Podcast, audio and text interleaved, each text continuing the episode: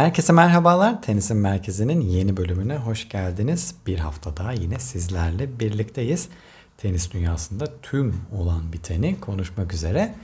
Ee, artık yılın sonuna doğru geliyoruz. Ee, Kasım ayına girdik ve Kasım ayının ortalarına doğru yaklaştık ve sezon sonu turnuvalarını e, geride bıraktık kadınlarda sezon sonu turnuvasını ve WTA Tur'da sezonu tamamen bitirdik. Önümüzde sadece e, bir futboldaki Dünya Kupası mahiyetinde düzenlenen tenisteki e, Billie Jean King Cup kaldı kadınlarda sadece. Ülkeler seviyesinde düzenleniyor. E, bireysel olarak e, WTA Tur'da e, yıl takvim kapanmış oldu böylelikle. WTA sezon sonu finalleriyle birlikte. E, erkeklerde ise e, bu hafta son turnuvalar oynanacak artık. E, ve önümüzdeki hafta yani bir sonraki hafta daha doğrusu e, sezon sonu turnuvası finaliyle Orada da sezon kapanacak ve e, sonraki haftada yine bu hafta kadınlarda olduğu gibi erkeklerde de Davis Cup mücadeleleri birlikte sezon tamamen kapanmış olacak. Erkekler cephesinden hemen e, giriş yapalım haftaya. E, bu hafta neler oldu, neler bitti hemen ona bir bakalım şöyle. E, bu hafta ATP Masters 1000 seviyesindeki sezonun son Masters turnuvası olan Paris Masters vardı. E, ve burada e, dünya bir numarası Novak Djokovic mücadele etti. E, elbette buranın en büyük favorisi olarak geldi. Çünkü e, kendisi Amerika açığın ardından dinlenmişti. Herhangi bir turnuva oynamadı. Oldukça dinlenmiş bir şekilde, vücudunu toparlamış bir şekilde gelince tabii ki de en büyük favoriydi. Her ne kadar 36 yaşındaki bir Djokovic'ten bahsetsek de dinlenmiş bir Djokovic e, her zaman turnuvalara favori olarak gelmeye devam ediyor elbette. Ee, dediğimiz gibi dünya bir numarası kendisi zaten. Dünya bir numarası olarak geldi buraya da. Ee, finalde Grigor Dimitrov'u sürpriz bir isim vardı karşısında. Grigor Dimitrov'u 6-4-6-3 ile rahat bir oyuna diyebiliriz. E, mağlup etmeyi başardı. E, Novak Djokovic ve rekorlarına e, rakamlarını arttırmayı sürdürüyor. Rekorlarına yenilerini eklemeyi sürdürüyor. E, ee, 7. kez Paris Masters'ı kazandı. 9. finaliydi bu. Gerçekten inanılmaz bir oran. 9 finalde 7 şampiyonluk. E, şu istatistik gerçekten çok ilginç. E, 40. Masters kupası oldu Novak Djokovic'in. E, yani hayatında 40 kupayı göremeyecek o kadar fazla tenisçi var ki. E, yani Novak Djokovic sadece 40 tane Masters kupasını e, müzesine eklemiş konumda. Ve toplamdaysa 97. Tekler Kupası'na ulaştı Novak Djokovic ve adım adım yüze doğru ilerliyor. Bakalım 100. kupasını e, Grand Slam'de mi kazanacak, normal bir turnuvada mı kazanacak? Özellikle Grand Slam'e getirmeye çalışacağına ben eminim. E, buna özellikle çalışacaktır. E, hatta Wimbledon belki yapabilir. Wimbledon'da 100. kupa e, deneyebilir. E, yani şöyle düşünürsek e, Avustralya açık üstü Roland Garros yani arada herhangi bir turnuva belki oynar mı oynamaz mı illa ki oynar tabii ki de. Ee, ancak Novak Djokovic'in 2024 yılında tabii 37 yaşında olacağını düşünürsek çok daha seçerek gidecek. Ee, ve özellikle de Grand Slam sayılarını arttırmak istediğinden dolayı da e, Grand Slam'ler haricinde çok fazla turnuva oynamayacaktır. Hatta Masters'ları bile azaltarak gidebilir. Yani hepsinde muhtemelen oynamayacak Masters'ların. Ee, dediğimiz gibi toplamda 97. tekrar kupası oldu Novak Djokovic'in. Ee, çok basit. Söylemesi gerçekten çok basit geliyor. Ancak 97 tane tekrar şampiyonluğu kazanmak ve bunun içinde 24 tanesi Grand Slam, 40 tanesi Masters 1000 seviyesinde şampiyonluklar. Gerçekten söylerken yoruluyor insan. Novak Djokovic bunları yaparken yorulmadı. E, 2023 yılındaki e, takvimine bakalım Novak Djokovic'in neler yaptı şöyle bir geriye dönersek. E, buradaki şampiyonluk 6. şampiyonluğu oldu Novak Djokovic'in. 3 e, üç tanesi bunların Grand Slam'de. Sezon başında Avustralya açık kazandı. Roland Garros'u kazandı. E, sezon sonundaysa e, Amerika açığı müzesine götürmeyi başardı. Amerika açık kupasını. E, iki tane Masters'ı var. Bir tanesi Cincinnati, bir tanesi de bu hafta olmak üzere Paris Masters'ta kazandı. Ve bir de sezon başında Avustralya açıktan önce e, Adelaide turnuvasını, ATP 250 seviyesindeki Adelaide turnuvasını kazanmıştı. Ee, ve 6. şampiyonluk oldu Paris Masters. Onun bu sezonki kazandığı 6. şampiyonluk oldu. Ee, yani 3 Grand Slam, 2 Masters üstüne Wimbledon finali. Ee, yani ucuna kadar getirilmiş bir şampiyonluk vardı orada. e, akıl almaz bir performansla Carlos Alcaraz mağlup etmeyi başarmıştı Novak Djokovic'e. Yani Novak Djokovic'in gerçekten 2023 yılındaki performansı e, yine kariyerinin e, belki de en iyi performanslarından bir tanesi oldu. E, yani bunlar 36 yaşında yapıyor olması ekstra bir e, motivasyon mu sağlıyor artık e, nasıl oluyor bilmiyoruz ama gerçekten Novak Djokovic hala ihtiyar bir delikanlı gibi e, kortlarda yer almayı sürdürüyor ve dünya bir numarası olmayı da bir süre daha sürdürecek gibi şimdilik. Ee, dediğimiz gibi bir numaradaki yerini perçinledi. Muhtemelen sezonu da bir numarada kapatacak zaten. Ee, o açıdan da kendisi e, elbette rekorlarına rekor eklemeyi bir yılı daha yine e, bir tenis takvimine daha bir numarada bitirmeyi e, az çok garantiledi diyebiliriz ve bunları gerçekten tekrar tekrar söylemek istemiyorum ancak söylemek de gerekiyor. 36 yaşında yapıyor ve çok çok rahat bir şekilde yapıyor hala. Ee, nasıl yaptığını yıllardır çözemedik. E, finalin e, diğer ayağına bakalım. Grigor Dimitrov. E, o da gerçekten finalde kaybettikten sonra gözyaşlarına boğuldu. E, üzücü sahnelerde e, özellikle Novak Djokovic'in e, röportajını yarıda kesip Grigor Dimitrov'u teselliye gitmesi de oldukça hoş bir sahne oldu. 2017 ee, Cincinnati'den beri ikinci Masters finaline çıktı o da. Ee, zaten Grigor Dimitrov Baby Federer lakabıyla tanıdığımız ve e, üzerinde çok büyük bir yük yüklenen bir e, tenisçiydi. Yani Federer'in ardından Baby Federer diyerek bir kişiye bir lakap takılıyorsa e, yani çok çok üst seviye bir tenis bekleniyor sonuçta ondan. Ancak Dimitrov çok fazla o lakabı taşıyamadı. E, o yüzden biraz altında ezildi diyebiliriz o lakabın. E, sakatlıklar da tabii buna e, engel oldu. E, yani bir sezonu tamamladığını çok fazla hatırlamıyorum ben sakatlıksız e, Grigor Dimitrov'un. E, o yüzden onların da tabii elbette etkisi fazlasıyla oldu Grigor Dimitrov'un geçmiş kariyerinde. Ancak ikinci bağrını yaşıyor diyebiliriz. Gerçekten çok iyi oynuyor. Son dönemde son 2-3 aydır falan çok güzel bir tenis oynuyor. Ee, ve bunun ödülünü de Paris Masters finaline yükselerek aldı. 2017'den sonra ilk Masters finaline yükseldi. Ee, ancak finalde çok fazla e, bir şey ortaya, iyi bir oyun ortaya koyamadı Novak Djokovic karşısında. Ki Novak Djokovic karşısında e, iyi bir oyun ortaya koymak çok çok zor bir şey zaten. E, Dimitrov da biraz sönük kalınca Novak Djokovic 6-4, 6-3 ile e, Paris Masters'ı kazanan taraf oldu. Paris Masters ve Roland Garros dublesi yaptı bu arada Novak Djokovic. E, bu da önemli dublelerden bir tanesi. Bunu tarihte yapan sanırım ikinci oyuncu oldu sadece Novak Djokovic.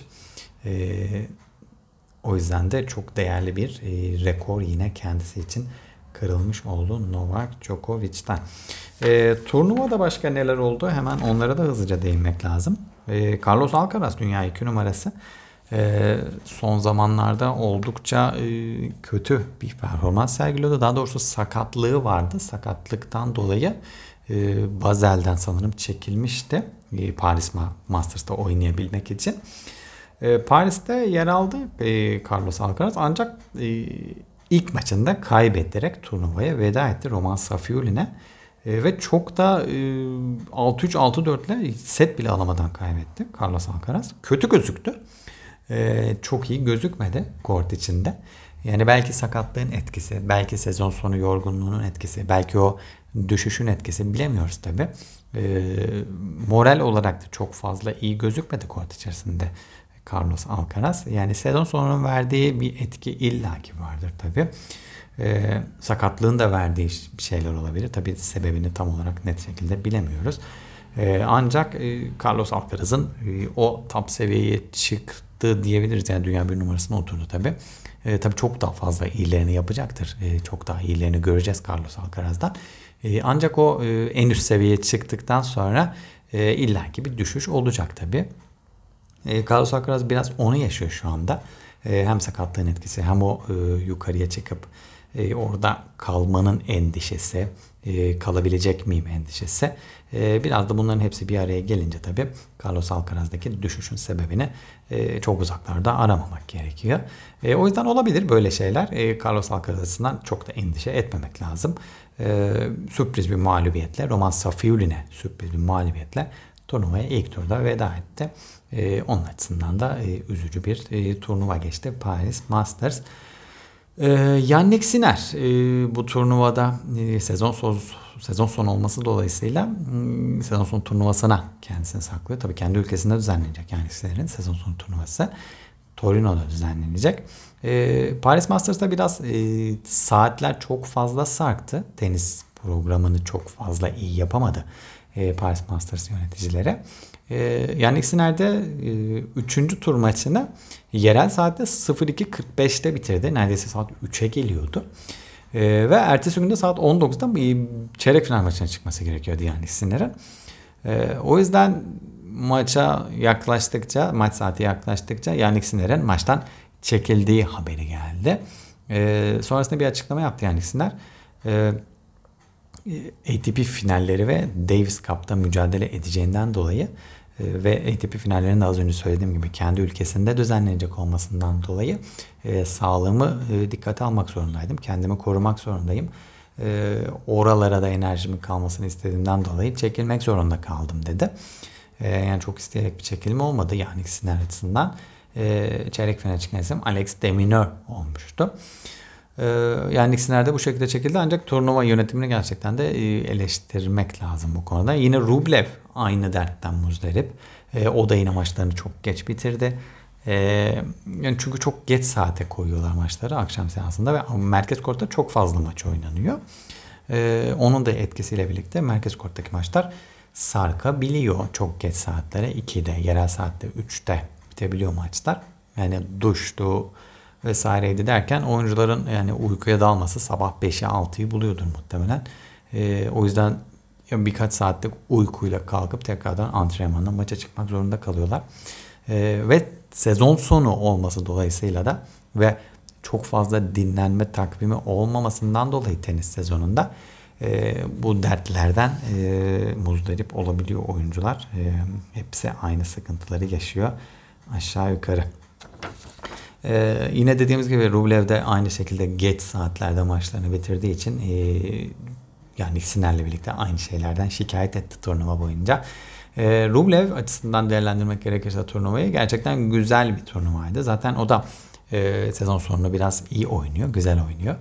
E, tabii her ne kadar çeyrek final, yarı finale kadar e, herhangi bir sıkıntı yaşamasa da oradan sonra biraz e, sıkıntılar oluşuyor yine Andrei Rublev'de. E, Novak Djokovic ile oynadı o da yarı finalde.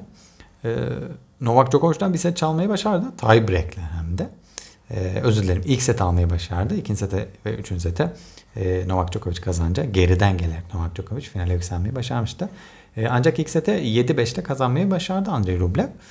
E, güzel bir turnuva geçti gerçekten Andrei Rublev açısından da. Zaten Novak Djokovic'le e, olan e, husumetleri de e, kendisi de zaten çok fazla şikayetçi oluyor Novak Djokovic'le oynadığı maçlardan. E, yani herkes şikayet ediyor Novak Djokovic'le oynadığı maçlarda. E, o yüzden Rublev açısından da yani bence güzel bir turnuvaydı. Yarı final gördü zaten. Yarı finalde de rakibiniz dünya bir numarası Novak Djokovic. Djokovic'e kaybediyorsunuz. E, bunun altında da çok fazla sebep aramaya gerek yok bence. E, Rublev açısından da e, güzel bir turnuva geçti diyebiliriz. Çiçipas belki de e, turnuvanın en önemli sürprizlerinden bir tanesi diyebiliriz Çiçipas'a. E, çünkü sezonu en kötü geçiren hareketlerden bir tanesi Çiçipas. E, hayatında giden tek doğru şu an Badosa herhalde. E, o yüzden e, Çiçipas açısından da yarı final görmesi burada. Grigor Dimitrova kaybetti o da yarı finalde. Yarı final görmesi kendisi açısından e, çok çok sevindirici bir haber olmuştur bence. E, o yüzden e, Çiçipas da Paris'ten e, mutlu ayrılan isimlerden bir tanesi oldu diyebiliriz. Paris'teki tablo bu şekildeydi. E, şampiyonluğa ulaşan isim e, her zamanki gibi değişmedi. Bir kez daha Novak Djokovic e, 97. Tekler Kupası'nı kazanarak Paris Masters'ta şampiyon olmayı başardı. Erkeklerde tek turnuva vardı dediğimiz gibi. Kadınlarda da yine tek turnuva vardı. Sezon kapandı ve sezonun son turnuvası WTA e, finalleri düzenlendi. Sezon sonu finalleri ve çok e, biraz engame dolu, biraz kaos dolu, biraz yağmur dolu, biraz fırtına dolu e, fırtına dolu bir e, haftayı geride bıraktık. Bir şekilde e, tamamlanabildi e, WTA sezon sonu finalleri. E, çünkü sürpriz bir şekilde geçtiğimiz yılda aynı şey yapılmıştı. Son ana bırakılmıştı WTA finallerinin yeri. E, Meksika'ya verilmişti ve güzel bir turnuva olması dolayısıyla e, yine Meksika'ya ekstradan bir binlik turnuva verilmişti. E, ve bu sene yine Meksika'ya verildi ve son ana bırakıldı gene. E, bu sefer de e, Meksika'nın Cancun şehrinde düzenlendi turnuva. Ancak e, Cancun bu dönemlerde çok fazla yağmur, fırtına, tayfun, kasırga bunların hepsini atlatabilen bir şehirmiş. Biz de yeni öğrendik. E, o yüzden e, biraz sıkıntılı yani bayağı bir sıkıntılı geçti diyebiliriz turnuva. Oyuncular sürekli içeri gitmek zorunda kaldılar. Sürekli ertelenen maçlar oldu. Yani maçlar çok uzun sürdü. E, ertesi güne sarkan çok fazla maç oldu. Ve e, sarka sarka zaten final maçı da pazar günü oynanması gerekiyorken pazartesi günü oynandı. E, bir sonraki güne sarkmak zorunda kaldı final maçı da. E, şampiyonsa dünya bir numarası, yeni dünya bir numaramız diyebiliriz. Iga Świątek oldu. E, Polonyalı raket gerçekten çok güzel bir hafta geçirdi. E, her ne kadar fırtınayla, e, tayfunla uğraşsa da e, kendisinin fırtınası da kortta sürmeye devam etti Iga Świątek'in. E, finalde Jessica Pegula'yı inanılmaz rahat bir oyuna 6-1 6-0'la e, mağlup etmeyi başardı ve 1 saat bile sürmedi mücadele. 59 dakikada e, rakibini mağlup etmeyi başardı Iga Świątek. E, 21. finaliydi bu Iga Świątek'in ve bu 21 finaldeki 17. kupasını kazandı. Gerçekten e, akıl alır gibi bir istatistik değil şu an için ve bu istatistiği her geçen gün iyileştirmeye de devam ediyor Iga Świątek. E, çok inanılmaz şekilde devam ediyor kariyeri. 2023 yılındaki 6. kupası oldu. Mesela sezon içerisinde şöyle bir baksak Iga Świątek'e e, dönem dönem kötü oynadığı e, haftalar oldu Iga Świątek'in. E, ancak e, bu kötü oynadığı haftalara bile 2023 yılına bile 6 kupa sığdırmayı başardı Iga Świątek. E, az önce söylediğim gibi tekrardan dünya bir numarası olmayı da başardı. E, Arina Sabalenka'ya emanet ettiği koltuğu birkaç hafta sonra tekrardan almayı başardı Iga Świątek. Ve yılı da bir numarada kapatıyor tabii ki de böylelikle. E, sezonun bir numaralı ismi olmayı da başardı Iga Świątek. 5'te 5 ile kapattı dediğimiz gibi haftayı. E, kimleri etti? Hemen onlardan da hızlıca bahsedeyim ben. E, grubunu 3'te 3 ile zaten kapatmıştı. Grubunda Gauff'u, Ons Jabeur ve Marketa Vondrushowa'yı e, set vermeden 2-0, 2-0, 2-0'lık maçlarla geçmeyi başarmıştı Iga Świątek. E, diğer gruptaysa Iga Świątek'in olduğu gruptaysa ikinci olarak Gauff gruptan çıktı.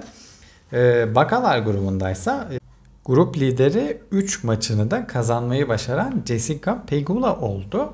Pegula'nın ardındansa grubu ikinci sırada tamamlayan isim e, turnuva boyunca dünya bir numarası Apoleti ile turnuvada yer alan Arina Sabalenka oldu. Jessica Pegula da yine 3'te 3 ile Arina e, Świątek gibi 3'te 3 ile ve set bırakmadan e, grubunu kazanmayı başarmıştı. Rybakina, Sabalenka ve Sakkari'yi 2-0'lık setlerle mağlup etti Jessica Pegula da.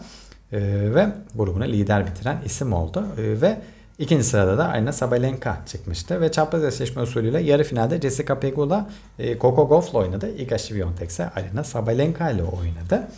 E, Pegula e, Gauff'u çok rahat bir oyunu 6-2 6-1 ile geçti.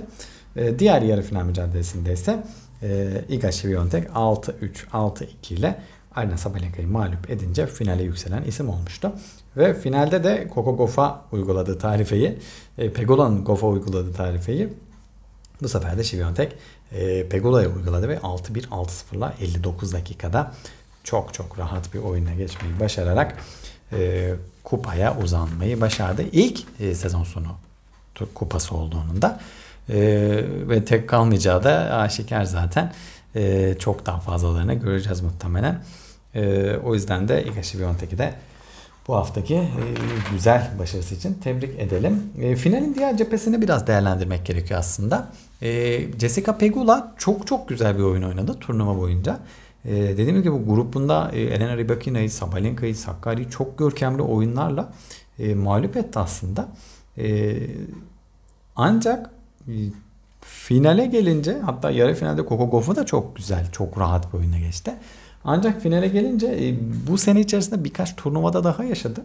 E, finalde tamamen ortadan kayboluyor Jessica Pegula. Biraz final e, psikolojisi mi diyebiliriz ya da başka bir etken mi var bilemiyoruz ancak e, finallerde gerçekten ortadan kayboluyor. Hatta kendisine e, bu yönde bir tweet atılmıştı. Sanırım Asya kıtalarındaki turnuvalardan bir tanesindeydi. E, finalde nereye kayboldun e, seni göremiyoruz hala gibilerinden. Ben de merak ediyorum diyor da e, o tweet'e cevap vermişti. E, kendisiyle de e, eğlenebilen e, zaten e, tenis kortunda çok fazla e, zevk alan, e, oynadığı tenisten çok fazla zevk alan e, ve e, elbette o yüzden de bunu korta fazlasıyla yansıtabilen bir isim Jessica Pegula. Ancak dediğimiz gibi o son hamleyi biraz yapamayabiliyor böyle önemli maçlarda. Çok fazla kayboluyor kortta.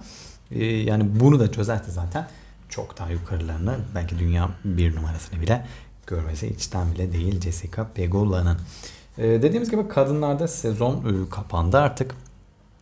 Sezonun son turnuvasıydı. E, o nedenle e, fazlasıyla sıkıntılı da bir turnuva oldu dediğimiz gibi e, girişte söylediğim gibi.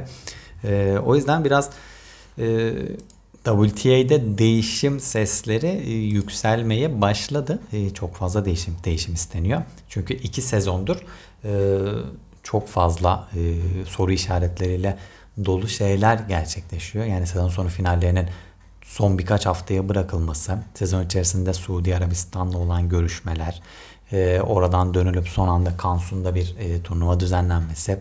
Yani bu tarz şeylerden çok fazla şikayet ediyor oyuncular. E, yine keza Arina Sabalenka zeminden çok fazla şikayet etti. E, oyuncular zaten turnuva boyunca yani turnuvanın başlamasına e, bir iki, iki gün kala falan sanırım e, kortlar tamamlandı, tribünler tamamlandı. E, sadece tek bir antrenman yapabildiler sanırım maçtan önce, turnuva başlamadan önce kortlarda antrenman kortlarında çalıştılar. Otelin kortlarında çalıştılar daha doğrusu. O yüzden çok sıkıntılı bir turnuva bir şekilde geride kaldı WTA açısından.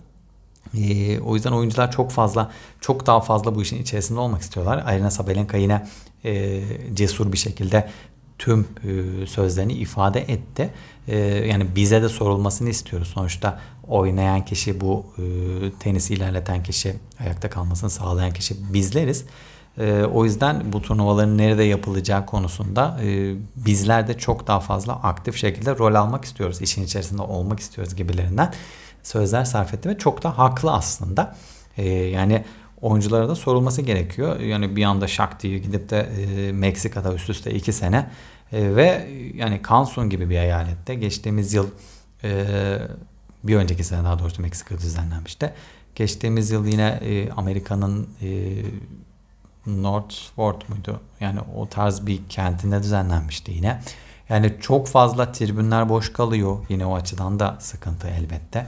İzlenirlik açısından da sıkıntı. Yani sezonun en iyi 8 ismini e, bir yere topluyorsunuz ancak çok da fazla izleyiciye ulaşamıyor. Yani burada bir e, organizasyon hatası fazlasıyla mevcut. Bakalım e, gelecek yıl e, yine hala soru işareti nerede düzenleneceğini bilmiyoruz. E, ve e, son anın bırakılacak. Sezon başından belli mi olacak? Bakalım. E, hepsini birlikte göreceğiz. E, bu haftaya bakalım. Bu hafta neler olacak? Erkeklerde iki turnuva var. E, iki tane ATP 250 seviyesinde turnuva düzenlenecek erkeklerde. E, bir tanesi Bulgaristan'da, Sofya'da düzenlenecek. E, bir tanesi de Fransa'nın Metz kentinde düzenlenecek. Kadrolara hemen bakalım neler var, kimler var. Yani sezon sonu turnuvası olması dolayısıyla bir sonraki hafta e, büyük isimler elbette tabii dinlenmeyi seçiyorlar artık ki bazıları da e, oynamayacak olan isimler de e, sezonu kapattı diyebiliriz artık. E, Metz'teki kadroya bakalım Fransa'daki turnuvada. E, buradaki seri başları Alex Demineur, Karen Achanov, e, Hugo Humbert, e, Alexandre Bublik, Lorenzo Sonego, Yannick Kaufmann, Stan Wawrinka ve Daniel Altmaier olacak. E, güzel kadro var, e, güzel eşleşmeler var e, burada. E, güzel bir turnuva bizi bekliyor. Sezonun son turnuvaları zaten. E, Dominic Thiem yine e, oynamayı sürdürüyor. E, kendisini bulmaya devam ediyor. E, bulma aramaları daha doğrusu devam ediyor diyebiliriz. E, Sofya'da da Bulgaristan'da düzenlenecek bir turnuva. Buradaki seri başları da Lorenzo Musetti, Adrian Mannarino, Jan Lenastrov, e, Sebastian Baez, Alexei Popirin, Max Purcell, Sebastian Ofner ve Marton Fucovic olacak. Burası bizim açımızdan önemli bir turnuvaydı. Altu, Yankı ve Ergi elemelerde mücadele etti. 3 ismimizde, 3 temsilcimizde elemelerde mücadele etti. Ancak 3 isim de elemelerde turnuvaya veda etti. Final e, turunda turnuvaya veda etti. Final setlerinde turnuvaya veda ettiler.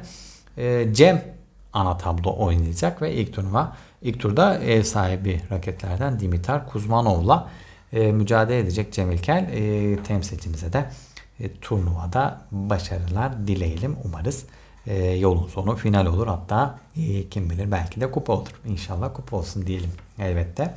E, temsilcilerimiz 3 tane temsilcimiz yine Tenis Europe'da U14 turnuvasında bizleri temsil ettiler. E, onlardan da gerçekten e, çok daha fazlasını bekliyoruz. E, inşallah onlar da çok çok başarılı bir geleceğe sahip olurlar.